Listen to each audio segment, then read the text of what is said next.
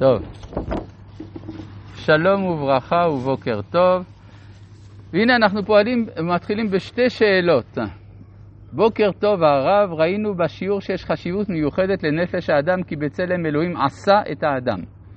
בכל זאת ראינו לאורך פרשת בראשית שהאדם לא נעשה אלא נברא, ומוטל עליו להשלים את עצמו ואת הבריאה כולה. איך אפשר להסביר את ההבדל?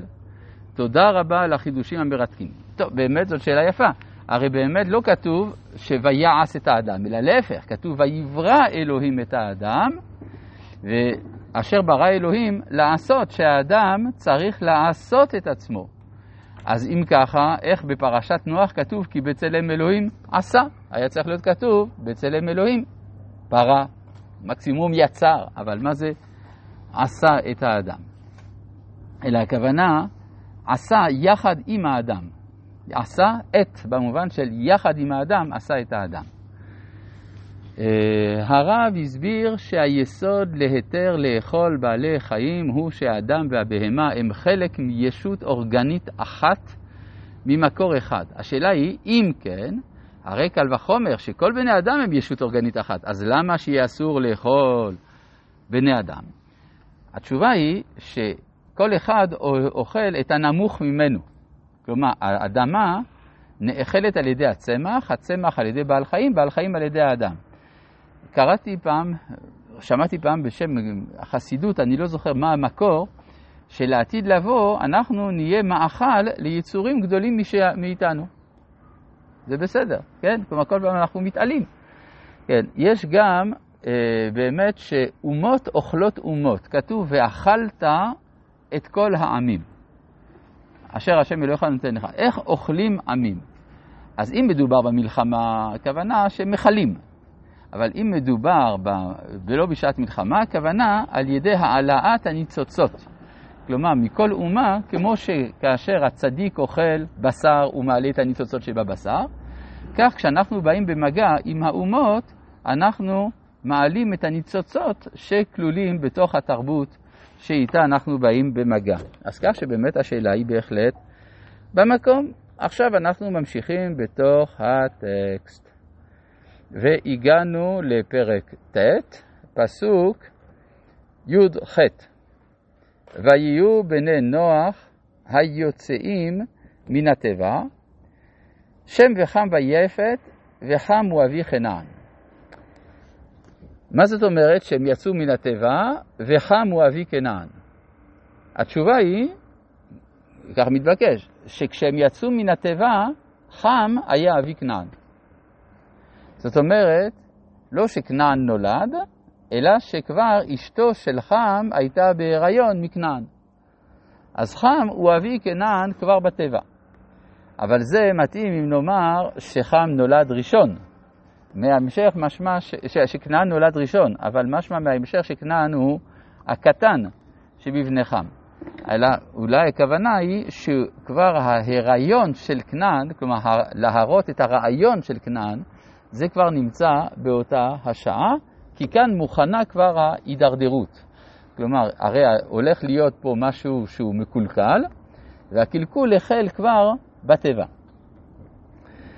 שלושה אלה בני נוח, ומאלה נפצה כל הארץ, ויחל נוח איש האדמה. ויתה כרם. מה זה ויחל נוח איש האדמה? כלומר, יש עכשיו משימה ליישב את העולם, נוח מחליט ליישב את העולם, ויחל נוח איש האדמה. אבל הביטוי ויחל מזכיר לנו, אז הוא חל לקרוא בשם השם. וההתעסקות של נוח דווקא במקצוע של קין מעורר שאלה. האם אין פה איזושהי נפילה? ובמיוחד שהוא נוטע כרם דווקא, שזה לא המאכל החיוני, דגן הרבה יותר חיוני מאשר כרם, והוא מתחיל דווקא עם הכרם. אז מה זה בא לומר? נשאלת השאלה, באמת, למה, אם אני אשאל את אה, נוח, אגב, מבחינה ארכיאולוגית, אומרים שהכרם מקורו מאזור ערערת. אז כך שזה אפילו מתאים מבחינה היסטורית, אבל לא כל כך משנה. אבל השאלה היא, מה קרה לו שהוא דווקא נוטע כרם? אנחנו צריכים להבין איך נראה העולם אחרי המבול. פשוט, זה שואה. השואה זה כלום לעומת מה שהיה שם. אז אדם שעבר את השואה, קשה לו מאוד לשאת את זה. אז הוא, הוא משתכר. כן? כלומר, יש הרבה מאוד היגיון בדבר הזה, שהוא לא יכול לשאת את המצב החדש של העולם. כן? מבחינתנו, אנחנו אומרים, יצאו מן התיבה, הכל בסדר, אבל בשביל נוח שהכיר את העולם הקודם, זה פשוט אה, בלתי נסבל. לכן יש פה, אה, יש פה אה, שכרות.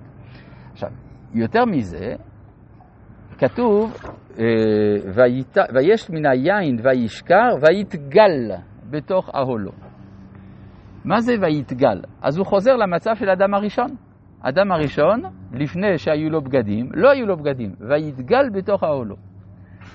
עכשיו, אם אנחנו עושים חשבון, זה בעצם חזרה אחורה של הסיפור של אדם הראשון. אדם הראשון היה בלי בגדים, ואחר כך, ו, ואחר כך אכל מן העץ.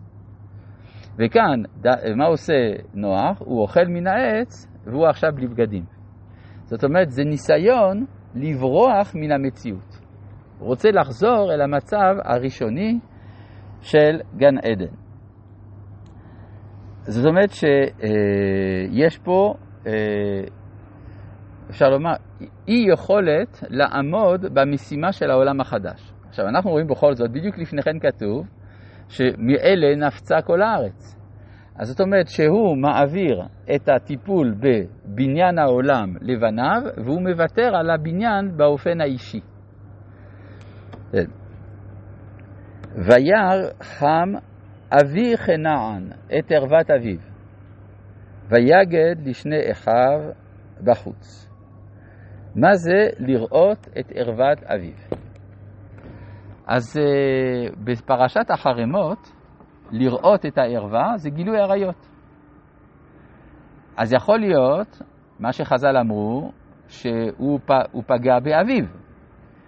אבל יש גם אפשרות נוספת, שהוא בעל אשת אביו. כן?